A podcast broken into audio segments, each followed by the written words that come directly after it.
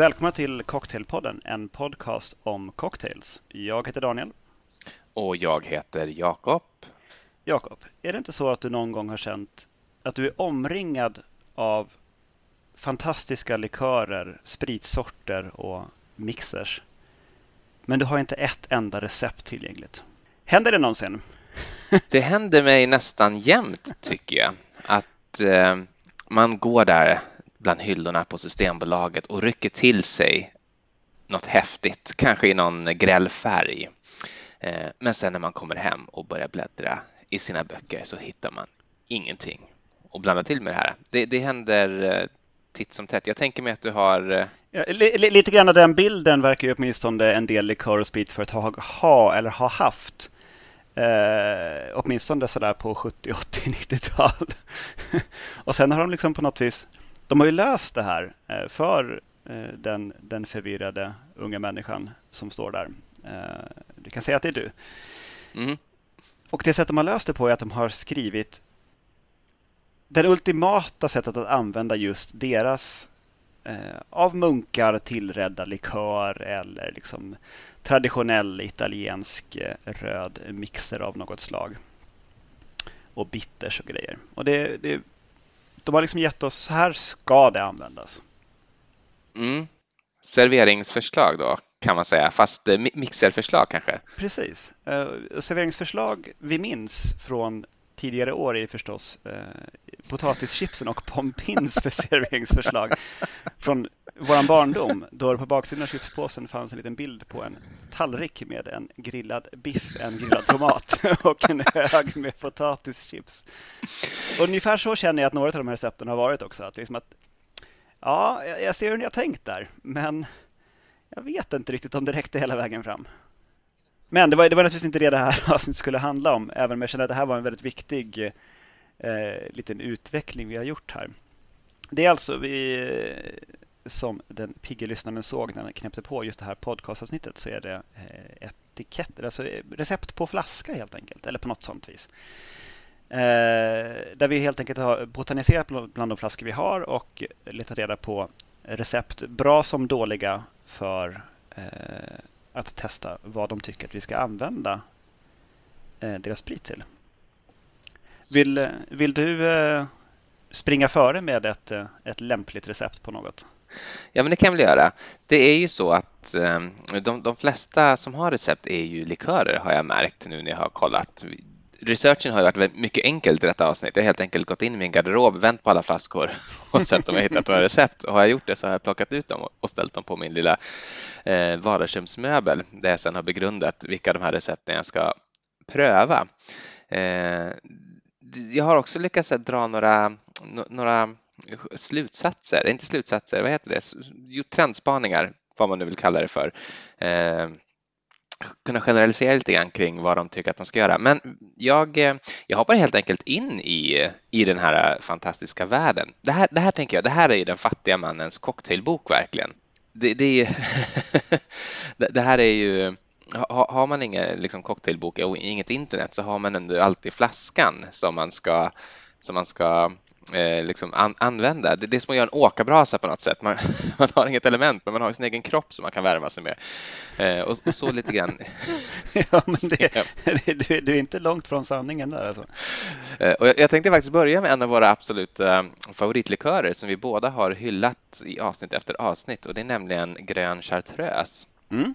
Den har jag också kikat på lite grann. Den har ju faktiskt, eh, i alla fall den halvstora flaskan har tre recept. Vad, vad av dessa har du gjort? jag, jag har faktiskt gjort två av dem kan man säga okay. eh, idag. Eh, och inte det man skulle tro då. För den som jag inte har gjort, som jag tänker mig att du kanske tror att jag skulle göra, om vi har samma recept på flaskan vill säga, det är, det är eh, chartreuse frappé. mm, det hade jag faktiskt tänkt mig. Eh, det hade tänkte jag, ja. ja. Som ju har ett så ofattbart enkelt recept att det knappt är ett recept. Låt mig läsa det eh, Chartreuse Frappé under rubriken Suggested Cocktails.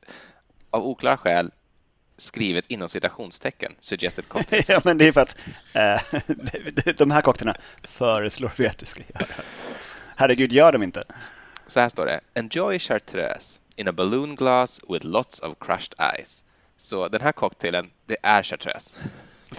Ja, men det är väl också det som är en frappé. Så det, det är ju någon, någon slags liksom jag menar, absint frappé var väl visserligen lite socker i något recept och eh, absint och sen så krossad is bara. Ja, det är väl det, fast det ska ju vara något vatten. Jag tänker, jag vill ha lite soda också i min frappé. Det, hade jag ändå kunnat tänka mig att göra den här, men, men nu gjorde jag inte den, utan istället har jag gjort eh, eh den här eh, nästa då som är chartreuse chocolat. Eh, och då står det så här, add two teaspoons of green chartreuse to a cup of hot chocolate. Alltså ta två stycken teskedar chartreuse till en kopp varm choklad. Eh, jag har valt att gå en liten annan väg. Av serveringen här så anar du säkert eh, vilken. Oj, oj, oj. Du har gjort en, en, en kall choklad.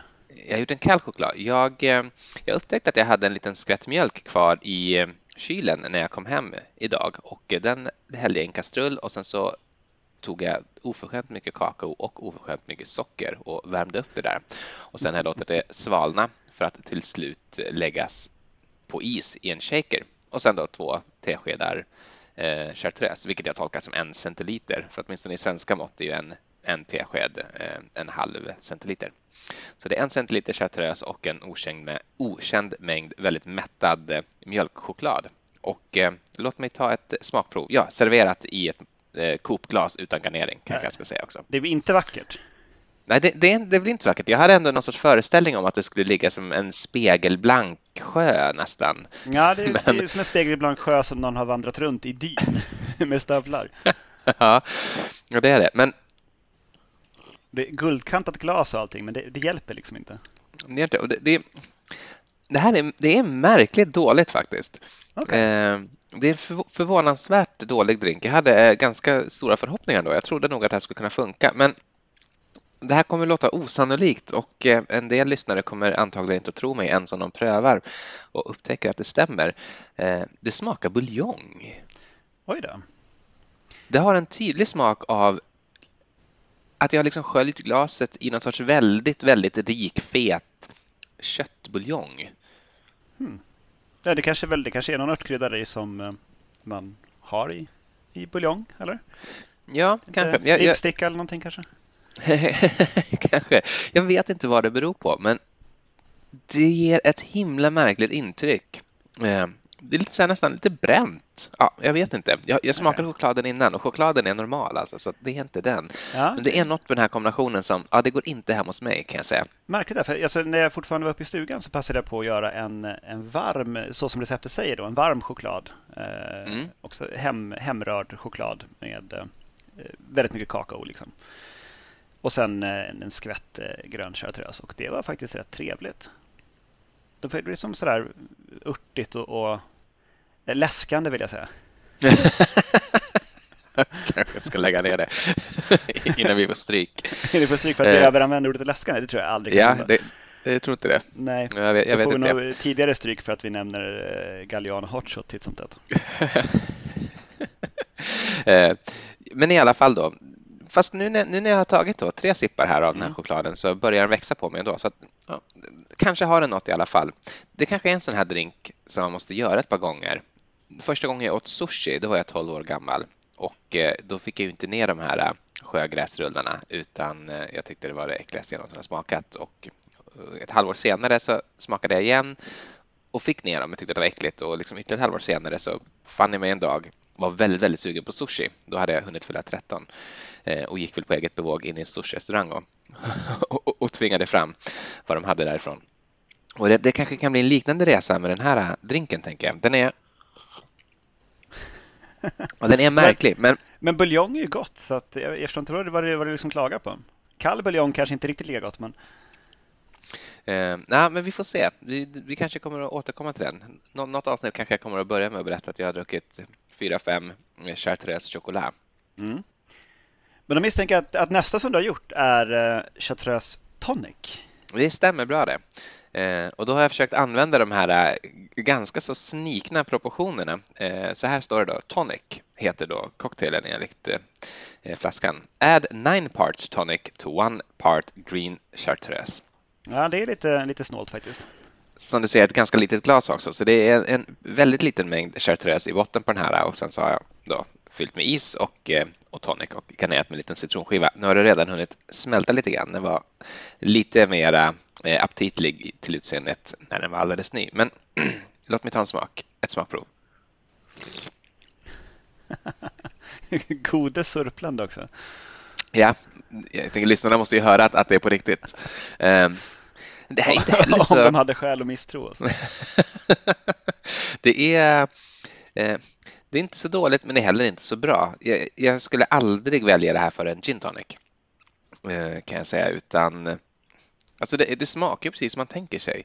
Det är som en, som en tonic och så en, en liten märklig ton av chartreuse. Det är väl kanske något i kombinationen, eh, ovanan, som gör att man inte riktigt gillar det. För det här är ju inte läskande tyvärr på samma sätt som en gin tonic är, som jag tror till och med de mest läskande hatade personerna i det här landet ändå måste hålla med om är en läskande drink.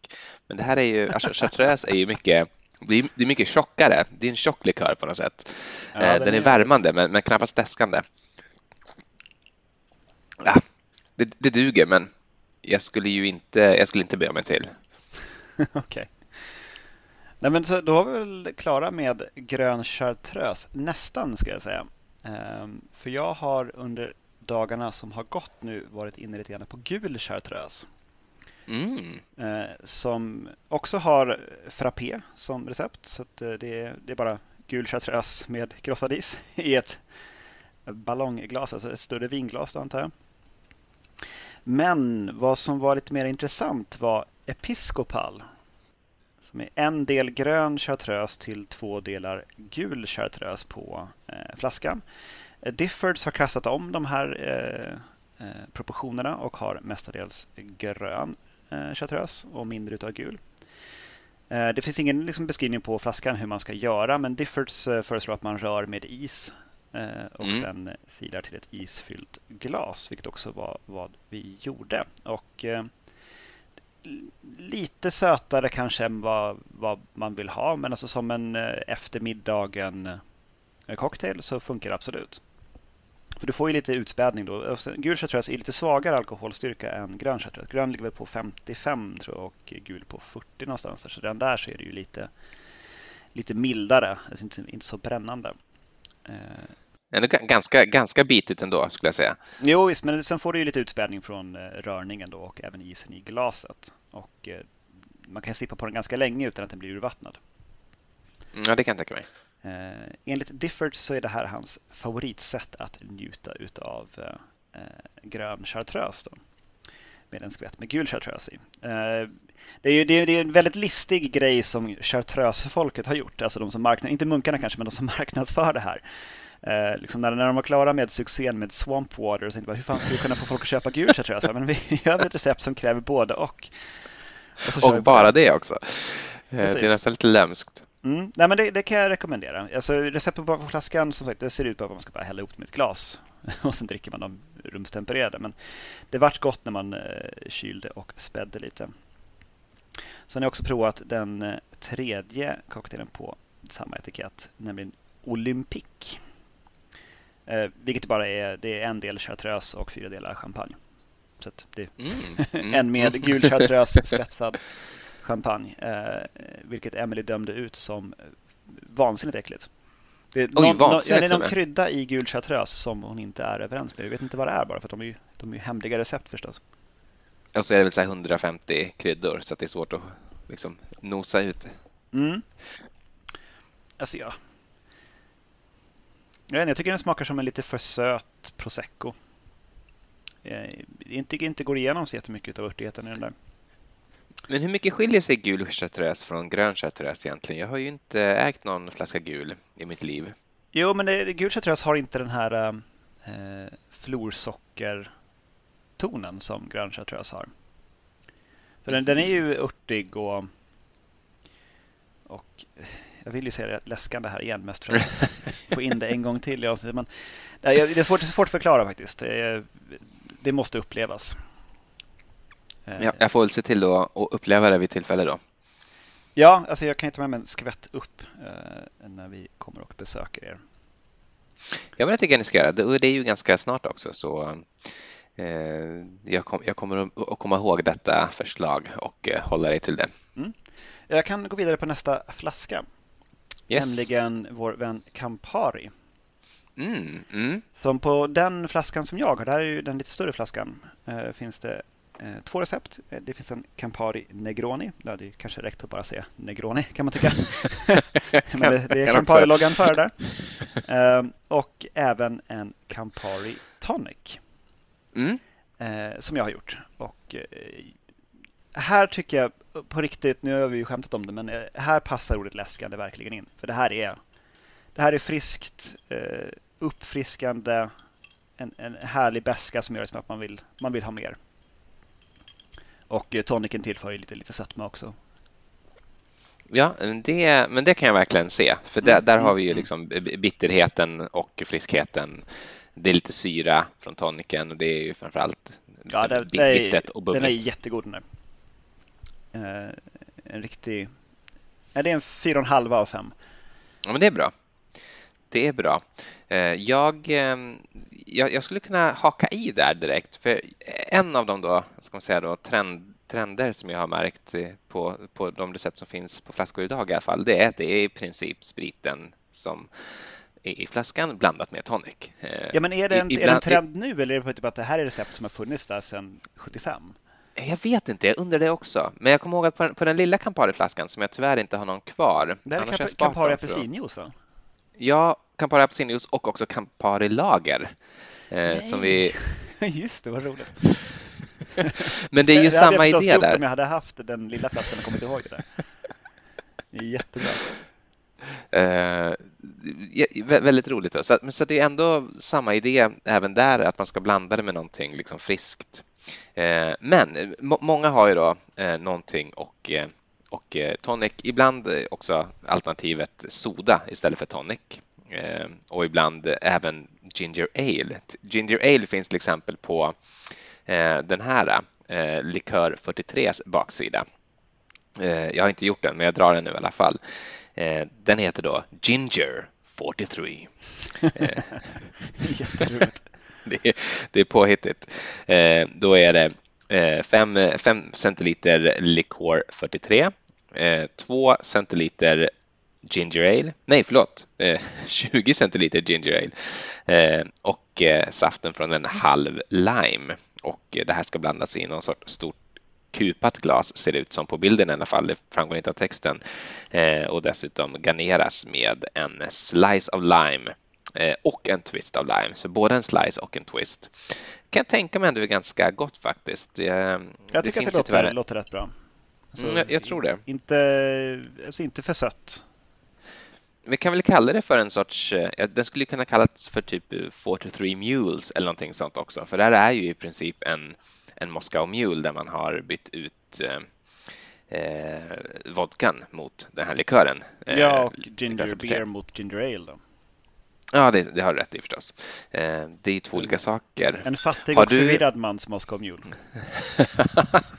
Eh, kanske man kan bara haka in lite grann. Vet, vet du vad skillnaden på ginger ale och ginger beer är? Varför de smakar så olika? Nej. Jag misstänker att det inte har någonting att göra med att den ena är en ale och den andra är en beer.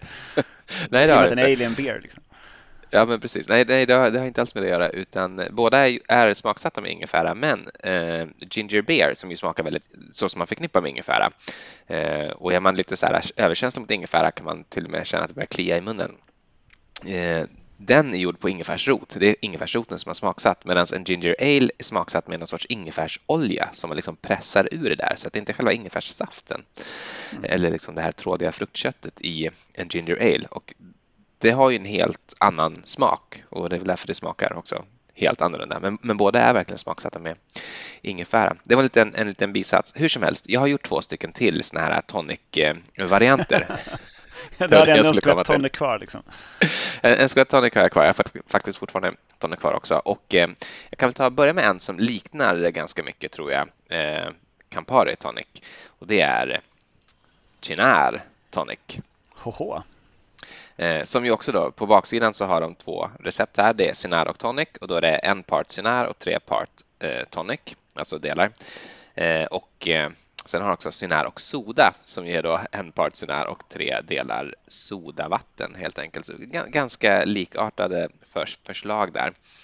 Eh, något som är bra med den här och något som är bra med nästan alla recept tycker jag, åtminstone de jag har prövat, det är att de är rätt alkoholsvaga. Eh, en, en part Cynar till tre delar tonic i ett relativt stort glas. Det blir inte mycket alkohol. En Cynar är inte stark från början, det är 16,5 procent, så det är som en, jag vet inte, ett eh, Amarone-vin som han spär ut med, med, med ytterligare tre delar vatten i, liksom, i, i, styrka där. Så det, det, är ju ingen eh, det, det, här är ju verkligen någonting man kan sitta och dricka på sommaren skulle jag säga. Men eh, det kanske är ju tänkt så att man ska liksom dricka många av dem och därmed komma igenom sin flaska Cynar mycket, mycket snabbare. då, ska, då ska man dricka bra mycket för då ska du dricka tre gånger det i tonic också. Men visst, så, så kan det vara. Eh, här har jag den i alla fall. Den är ju lite liksom nästan kolafärgat brun som du ser. Ja, det är gott. Det är... jag kan tänka mig det faktiskt. Men det är eh, alltså... När det liksom är, är bubblor i, får man upp mer av det här eh, kronärtskockan som ska finnas och också finns på etiketten till Chinaren? Nej, man det, får ju inte det. Det, så det. Det kanske är bluff, det kanske inte är någon kronärtskocka i. Alltså jag tror ju att den här smaken från typ kronärtskocka så som den används i sin den smakar inte som kronärtskocka gör när man kokar den och äter den med smör och citron och salt som jag brukar göra. Jag misstänker det i alla fall för att jag känner ingenting. Men det kanske är så att kronärtskocka som ligger i sprit i, i fyra veckor liksom får, får en annan arom. Det är inte helt otänkbart i alla fall. Men nej, kronärtskocka smakar inte, men det är, det är läskande. Det är gott. Det är fyra av fem. Mycket bra. Eh, den sista då? Nej! Nej, vad hemskt. Jag kan berätta för lyssnarna vad det är jag ser som gör mig så förskräckt här i webbkameran. Det där är ju då den här eh, estniska eh, likören eh, Vana Tallinn som jag i förra avsnittet gjorde en någon slags estnisk last word, estword eller någonting. Just det. Ehm, med och det var fantastiskt gott. Men här har du någon slags oäkta halvbror till den som är någon slags limesmakande variant av Vana Tallinn. Som jag mm. faktiskt doftade på när jag var uppe hos dig sist. Och den doftar inte lime längre. Så om den någonsin har gjort det så har den liksom tappat sin limighet för en tid sedan. Den här var ju öppnad redan när vi fick den kan jag säga. Eh, den, den är liksom från en väns tidigare flytt för många år sedan och ja, den var väl ungefär lika full. ja, jo. alltså, ni kommer till slut att ge bort den där till någon annan så kommer den liksom på något vis att vandra vidare. Liksom. Det är väl troligt. Som Håkan Hemmelin på 90-talet. Den, den, den, går väl liksom från, från eh, hushåll till hushåll vid flytt, kan jag tänka mig. Precis, och den blir aldrig någonsin urdrucken. det är väl, men, väldigt men svårt att säga hur det Hur blir den med tonic? Står det på ja. baksidan på den att man ska blanda den med tonic också? Eller? Ja, och då är det proportionerna, så här står det, 4 centiliter Vanatallin till 12 centiliter tonic eller sodavatten. Eh, garnera med lime. Jag har valt att garnera med citron. Eh, så den renlärlige lyssnaren får ursäkta helt enkelt. Men jag, jag har inte varken så mycket Vanatallin eller så mycket eh, tonic som det står i receptet, men proportionerna är de samma, nämligen 1 till 4 blir det va? Nej, 1 till 3 menar jag förstås. Eh, en del Vanatallin och tre delar eh, tonic water. Låt mig ta ett smakprov.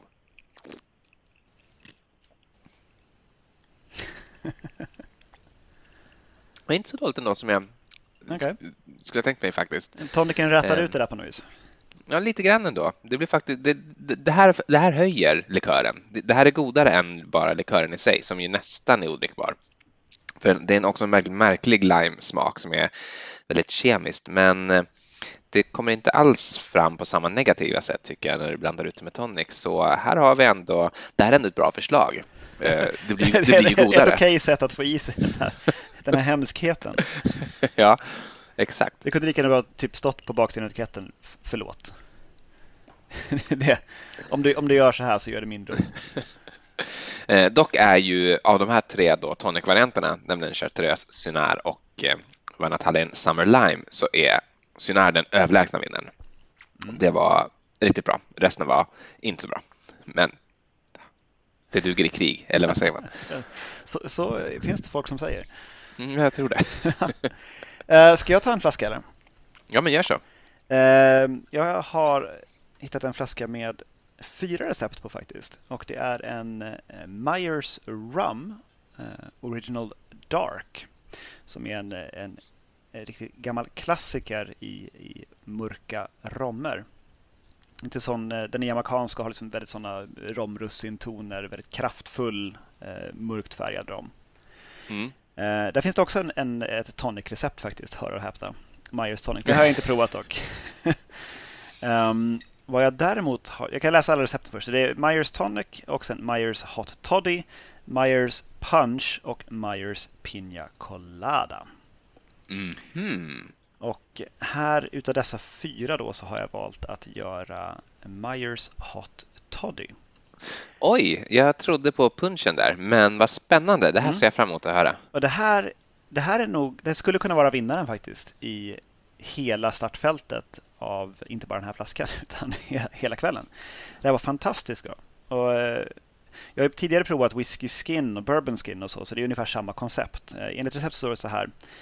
Eh, häll kokande vatten på en mängd Myers Tillsätt citronjuice och socker efter smak och garnera med eh, riven eh, vad heter det? nutmeg. Eh, muskat. Precis. Så att jag valde att använda ett ounce Myers, ett halvt ounce Simple Syrup, ett fjärdedels ounce citronjuice och sen 2,5 ounce med kokande vatten i en med kokande vatten uppvärmd liten kopp. Och sen garnerade jag med citronskiva och med en kanelstång. Och muskot då förstås. Mm. Fantastiskt. Alltså, tänk att man kommer in frusen och dann en, en novemberkväll. Eh, och värmen i huset fungerar inte, men vattenkokaren magiskt nog gör det. och alltså, inom kort har du glömt att värmen inte funkar. Det lovar jag. Det är otroligt bra. Eh, Funkar nog med andra mörka rommer, helst av jamaicanskt snitt skulle jag säga. För att ta en mörk eh, Bacardi till exempel så är den mycket eh, det är mycket mindre kraftfulla smaker i den. Den är mer liksom bränt socker, mörka liksom sockertoner. Här är det liksom så mycket mer som händer i den här rommen eh, doftmässigt. Kan varmt rekommendera. Plantations Original Dark borde funka lika bra som Myers. Även om den nog inte är från Jamaica. Vad vet jag. Men roligt med lite varma tips nu när det faktiskt börjar bli kallt på riktigt också. Mm. Ja, den här var otroligt bra. Eh, jag provade också Smith Cross har ju en, också en jamaicansk rom. Um, Traditional Jamaica Rum som är uh, pot stilled. Uh, där finns det en, en gammal favorit faktiskt som du har testat tidigare, nämligen The Doctor. Mm, mm. Jag kommer inte riktigt ihåg vilket recept du hade på The Doctor, men här är det lika delar svensk punch, eh, jamaicansk rom och limejuice. Mm, det är likt. Jag har faktiskt gjort eh, två varianter. Dels en med bara punch och lime och dels en med rom, punch och lime. Men då har jag haft eh, eh Havana Clubs eh, treåriga ljusa. Ja, just det. Ja, det här blir mycket, mycket mer kraftig i smaken. Det här är, det är väldigt romrussinig. Det är liksom det man nästan tänker på när man, när man doftar på den här ramen. Eh, doftar liksom romrussin-essens. Liksom. Eh, och sen gjorde vi Million Cocktail också på samma etikett. Och då är det en och tre fjärdedels ounce jamaicansk rom. Eh, förslagsvis denna då, Smith Cross. Eh, det är ganska mycket rom med andra ord. Eh, och sen tre fjärdedels ounce citronjuice och tre fjärdedels ounce simple syrup och ett stänk med angostura. Och det ska då skakas över is och silas till ett kopglas. Eh, kanske förvånar många att det är, det är citronjuice i ett romrecept. Det brukar ju ofta vara så att men citron hör ihop med, med whisky och eh, lime hör ihop med rom bland annat. Mm. Men det var väldigt gott med citron. Eh, jag tror det kanske hade varit nästan lite skarpare eh, med limejuice. Fått lite mer av en, en, en syrlig edge på det. Eh, två väldigt bra recept båda två. Eh, och en, en väldigt, väldigt tjusig flaska också. Ser lite grann ut som de som är bekanta med Facil, extra gammal arrakslikör som finns på vissa systembolag. Eh, sån mörkblå etikett med eh, vackra guldiga bokstäver. En klar favorit. Ja, vad roligt. Eh, jag kan väl berätta lite då, om du var klar där, med eh, saker som jag gjorde i helgen. Jag har dem inte här framför mig, men eh, det är sånt som jag har hittat på min flaska Passoa och min flaska Kahlua. ja, Kahlua ja. Eh, jag upptäckte förresten nu, en eh, himla, himla märklig grej, att jag har två flaskor Kahlua. Fråga mig inte varför, men bara den ena har recept. Den andra är receptlös. Mm. Eh, väldigt bekymmersamt, tänker jag nu, för då kanske det är flera potentiella recept som jag har missat genom att råka ta åt, ta åt mig fel flaska i hyllan där. Men låt oss inte tänka på det. Eh, på Kaluan i alla fall, då, den som har recept, så finns det två stycken cocktails, båda Eh, väldigt kända, inte minst från den här podden. Det är nämligen White Russian och Espresso Martini. Skrivet eh, som Kahlua Espresso Martini, eller? För det är, Nej. på min flaska har de skrivit det är inte bara en Espresso Martini, det här är en Kahlua Espresso Martini. faktiskt, faktiskt inte. Däremot så specificerar den i receptet naturligtvis att man ska ha Kahlua, men det får man väl nästan förlåta dem för. Det här är under, under rubriken Oh So Easy Cocktails. Ja, men det stämmer ju. Det, de ljuger inte, så det är svårt att misslyckas med. Och de har också faktiskt förenklat de här redan från början enkla recepten ännu mer. I eh, espresso martinin då så är det till exempel ingen socklag utan det är bara en del Kahlua, en del vodka och en del espresso. Eh, shake up står det och så visar de att man ska hälla det i ett eh, martiniglas och man anar att de har garnerat med tre stycken eh, bönor där också, men det står ingenting om det. Men, mm, på, på, min Kahlua så står det garnish with one coffee bean. Gör det? Oklart varför bara en i det här fallet, men ja, det står så. Eh, Annars så brukar det vara lite sockerlag och kanske lite krångligare proportioner. Då, men här är verkligen 1 till 1 till 1. 1 eh, till 1 till 1 är det ju även i deras White Russian som då är en del Kahlua, en del vodka och en del vispgrädde. Eh, häll i ett rocksglas på is och rör om. Och det var den vi gjorde och eh, jag har ju talat ner White Russian och sen har vi då gjort avbön och talat upp det men nu vill jag göra avbön på avbönen. Oh. Och, och ta ner det här. Jag tror inte jag är så förtjust i White Russians egentligen. Det är, det, det är inte bara Kaluan då? Jag vet inte. Eh, eller om det är vodkan eller vad det är. Eller om det är det här receptet. Men eh, easy, ja, att göra. Men eh, ganska eh, tråkig att dricka. Eh, men det är de proportionerna som jag har använt också, alltså lika delar. Eh, mm. bygg över is. Men jag har i och för sig inte använt Kahlua då, utan den här hemgjorda eh, kaffelikören som jag väl la upp ett recept på tror jag. Ja, just det. Ja, men just, just det, just det.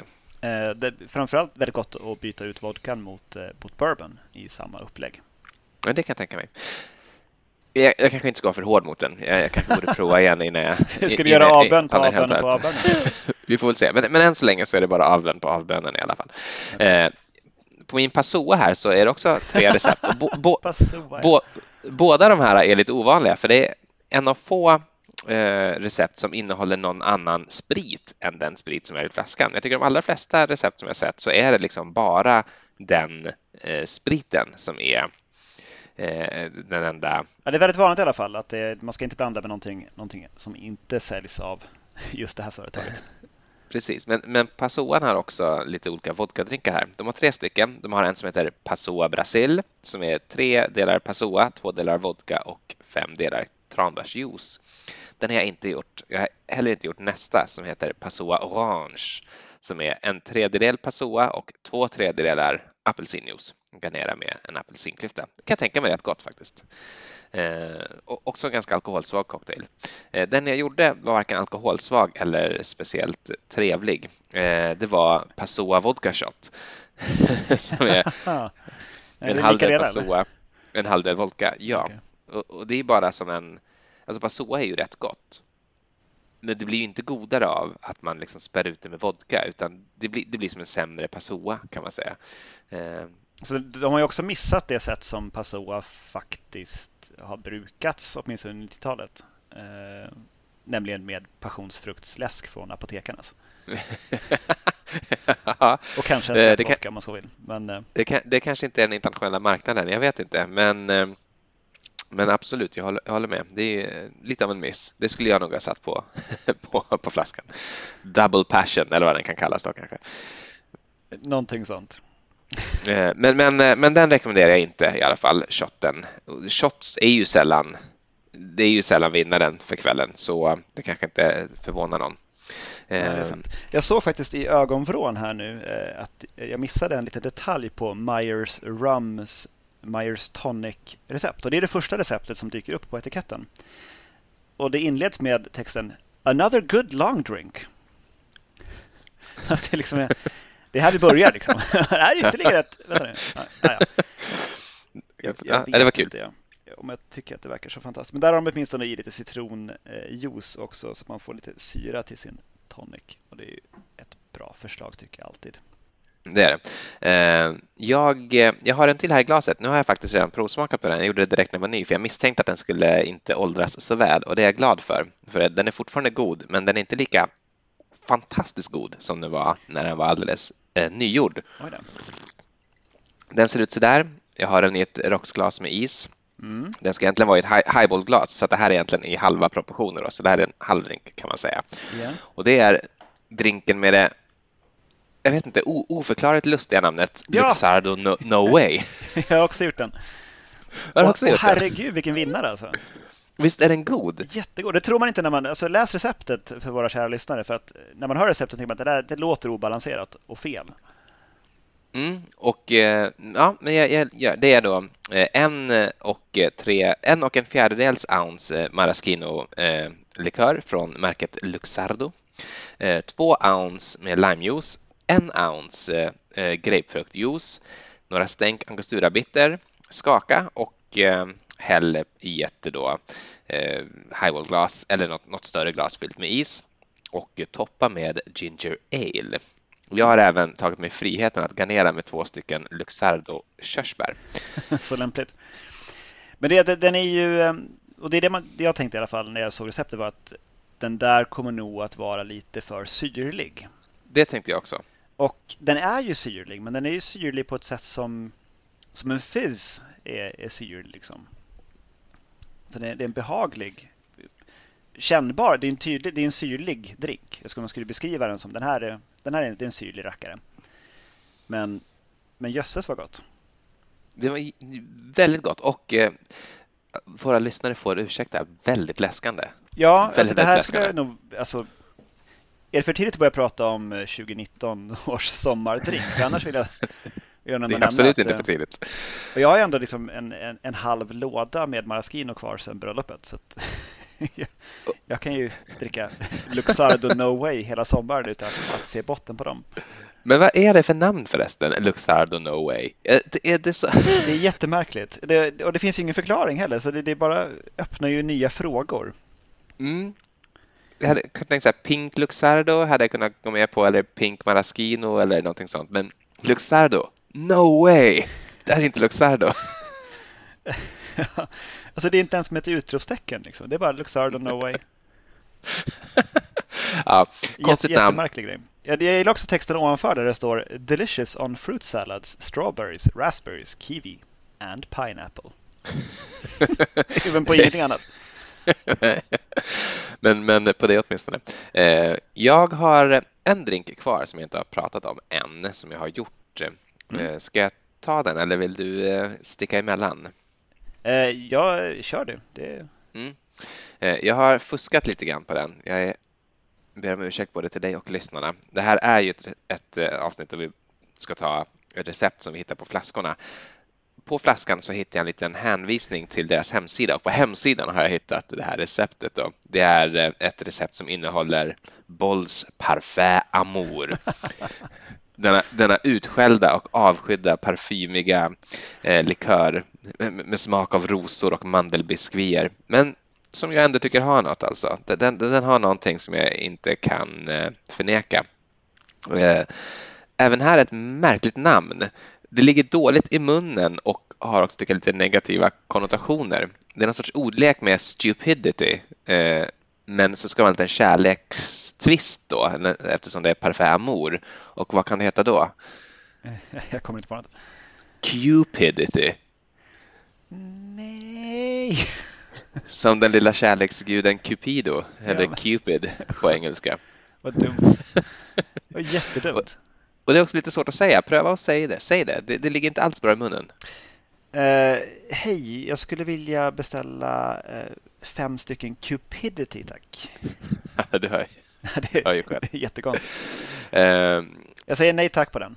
Mm, och slutar inte här då kan jag säga, eh, utan konstigheterna fortsätter när jag läser ingredienslistan. För då är det eh, 4,5 centiliter eh, genever, eh, 1,5 centiliter kirsch och en centiliter med parfait amour. Och sen så ska det också vara en eh, barsked med gurksockerlag.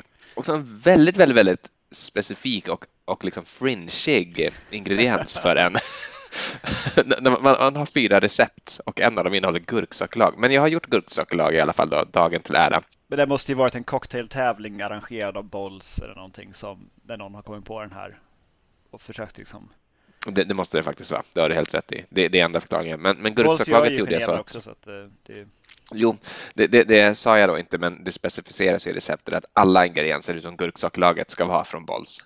Men eh, eh, jag tror att man, eh, åtminstone om man gör det i hemlighet, kan få använda eh, recept från andra märken också. Eh, hur som helst, gurksockerlaget gjorde jag genom att jag tog en bit gurka, eh, skar den i små kuber och sen eh, liksom muddlade skiten ur den, kan jag väl säga, i, i, min, i min shaker. Eh, tills det liksom vart ett eh, en, en vätska i botten och sen så silade jag bara ut det och rörde tillsammans med massa socker. Eh, och nu är den inte direkt kall längre. Man ser av kondensen att den har varit kall en gång i tiden. Ska se, jag vet inte vad du ser i min skärm. Men här borde du se den ungefär hur den ser ut. blekgrå vätska och en gurkskiva på, på kanten. Inte helt olikt en Aviation faktiskt i, eh, i utseendet tycker jag. Den ser ut som en Aviation, men inte i smaken då, inte alls. Doften är den är förvånansvärt lik eh, Piggelin. Och det är någonting med gurka och melon som ligger ganska nära varandra märker man ibland när, när de liksom korsas med socker och korsas med andra smaker. För Piggelin är ju en melonsmakande eh, glass. Men sånt som är smaksatt med gurka kan ibland ha en liten Piggelintusch. Och jag vet inte, det är någonting med de här eh, vattniga växterna antar jag, vattniga frukterna som ändå, de har någonting gemensamt då uppenbarligen för det har en liten Piggelin-doft. Ja, de kan väl kanske vara släkt eller något. Den är väldigt stark, väldigt alkoholbrännande så. Eh, inte så balanserad, den doftar ganska gott. Den doftar av kirsch också väldigt starkt, alltså kirschwasser. Mm. Och liksom en svag nyans av rosor också från då parfymoren. Alltså jag- saknar någon sorts syra i den. Eh, Jag tycker att den är på väg, men jag tror att man skulle ha kanske lite mer socker och lite någon sorts... Varför inte grapefruktjuice faktiskt? Det tror jag skulle kunna vara Mm. eh, räddningen för den här. Så Cupidity är på god väg, men strandar. Jag ger den betyget 3 av 5. Och sen namnet så drar du ner på en tvåa då. det kan man väl säga. Eh, Det är de jag har gjort. Ja, alltså jag har, några, jag har en kvar som jag har gjort som jag kanske kan avsluta med sen. Så jag har några honorable mentions eh, som jag inte har tagit mig för att göra. Mm. Jag dammade av en gammal flaska Malibu och skulle se vad som står på den. Där har vi en Malibu Sun Splash. Eh, Då är det en del Malibu, kokosnötter kokosnöt då förstås, inte någon annan Malibu. En del ananasjuice, en del pink grapefruit och sen ska den här bara serveras över is och garneras med ananas. Den byggs i glaset då. Låter ju bara på pappret som att den är väldigt, väldigt söt. Och liksom ingen, ingen förlåtande syra någonstans där. Speciellt inte om, eh, om ananasjuicen är eh, liksom på flaska och som inte har någon, någon edge av att den är ny, nypressad. Men sen är det, jag har ju någon slags guilty pleasure-grej till just Malibu. För jag vet, jag vet just, men det är ju det är en romlikör liksom, som, och jag tror inte att någon kokosnöt någonsin har skadats i tillverkningen. Att- men det är ändå någonting mer. Och Jag tror att det har någonting att göra med barndomsminnen av typ semestrar och Hawaiian Tropic eh, sololja. eh, som förekom mycket på 80 och tidigt 90-tal. Som har just den här väldigt parfymiga, eh, nästan tillagade kokosdoften. Mm. Jag tror att det kan vara något sånt. Alltså det, är typ, det är det liksom semestrar och typ gula Blends gamla reklam och reklambilder som på något vis ekar genom årtiondena rakt in i hjärtat på mig när jag liksom känner doften av någonting med Malibu i sig. Så att, eh, jag har alltid en flaska Malibu hemma. Det går, det går ju långsamt igenom men det kan vara kul med en skvätt här och var i någon somrig historia. Ja, men vad trevligt.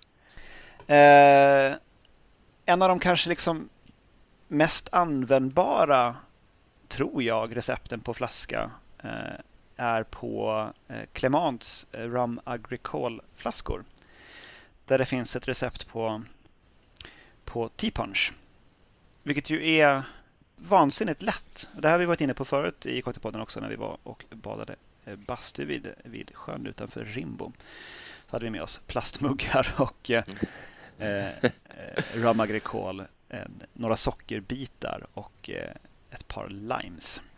Och det är ju mm. bara det. Det är lite, lite socker och eh, några droppar eh, limejuice i ett glas och sen på med rum agricole och försöka någorlunda att få sockret att lösa sig. Men det gör ingenting för det är några kristaller kvar i botten. Det gör absolut ingenting. Och eh, jag tycker att de är härligt oinsmickrande genom att inte översätta receptet till engelska utan det står kvar på franska. Eh, åtminstone på den flaskan som jag har. Mm, ja, nej, här har de eh, här har de gjort... Nej, Tro fan. Det står på franska. jag, bara, jag, läste det ändå på engelska i huvudet. Liksom sådär. Uh, one Monsieur de Sirop de Cannes står det här då. Just det. Det, liksom, det ska väl vara rörsockersirap i det här fallet. Då. Uh, det är väl inte riktigt uh, kosher kanske att ha färdiggjord sirap till sin tea punch, men skitsamma. Um, jag har kommit fram till min sista förberedda drink för dagen. Ja, ska jag bara göra också en honorable mention innan det så kan vi sluta med på topp då, mm. tänker jag, med, med, en, med en riktig drink. Och då vill jag bara lyfta fram Pims som eh, ja, Pims. man gör Pims Cup ifrån. Och jag har ju eh, alltid haft, eller alltid, men i de då tre, fyra år som jag druckit Pims så har vi alltid haft ett annat recept än det gängse som vi har kallat för Pimms Cup. Eh, men en vanlig Pimms Cup är ju typ lite eh, lime och typ fruktsoda och Pims i princip. Och vill man göra en Royal så byter man ut fruktsoda mot champagne alternativt har eh, båda två. Men vi brukar göra en där vi gör en egen lemonad och sen så låter vi den liksom ligga och dra i massa, massa tropisk frukt och lime och allt möjligt gott och sen så blandar man den med Pims och gin. Och jag ser nu när jag, när jag kollar på de här flaskorna att det är ju faktiskt från flasketiketten vi har fått det här receptet. eh, så här vill jag bara säga så, att... Så, så unika var ni liksom? Ja, men unika unika. Men det är ju så fint tycker jag att, eh, fint att de, att de har då. De, de, har det bästa receptet själv, men jag tycker att det är en skam att eh, det som har spridits över hela Storbritannien är någon sorts eh, avart med fruktsoda. Eh, en riktig Pims Cup ska göras på eh, lemonad med massor av frukt och lime och ingenting annat. Det låter ju mycket godare än, äh, än 7-Up. Ja. Eller Sprite. och det är det också. Eh, det, var, det var bara det. Nu kan väl du eh, ta det här i mål då? ja, precis. Eh, det här är ju föregående års eh, sommardrink, eh, får det väl ändå lov att vara. Några år tillbaka också och flera år i rad. Det här är ett 3-2-1 recept mm. från våra vänner på Aperol. Jag anar vad det är. Precis. Eh, tre delar prosecco, två delar Aperol och en del sodavatten. Spritz. Just precis. Och ska då serveras över is och gärna garneras med en apelsinskiva. Och det är ju fantastiskt. Mm. Det, det, är så enkelt och så lätt att komma ihåg också. Det, det, nästan att man inte ens behöver trycka det på etiketten. För att det är liksom så bra. Sen är Aperol väldigt användbart i många andra cocktails. Jag tycker det är kul också att byta ut mot Campari i andra recept och se vad som händer då. För de är ju ändå snarlika men Aperol har mycket mer apelsinig och liksom fruktig apelsinig ton än vad Campari har. Ja, det får man säga. Och är ju lite mildare i väskan också. Precis. Så att jag, jag, jag är mycket nöjd med med mina urval. Luxardo No Way tror jag nog ändå tar hem av det jag har framför mig idag. Men den stora vinnaren är ju eh, Myers Hot Toddy. Myers Hot Toddy. Jag Den, riktigt, eh... riktigt längtar efter att komma hem frusen. liksom nerregnad någon dag och, och, och, få reda till mig en Myers Hot Toddy och sen gå och lägga mig. Gud vad härligt. Jag känner mig inspirerad och om jag inte gör en Myers så um, ska jag göra en Hot Toddy någon gång i vinter. Det lämnar jag som ett löfte till dig och till lyssnarna. Och med detta säger vi tack och godnatt. Godnatt.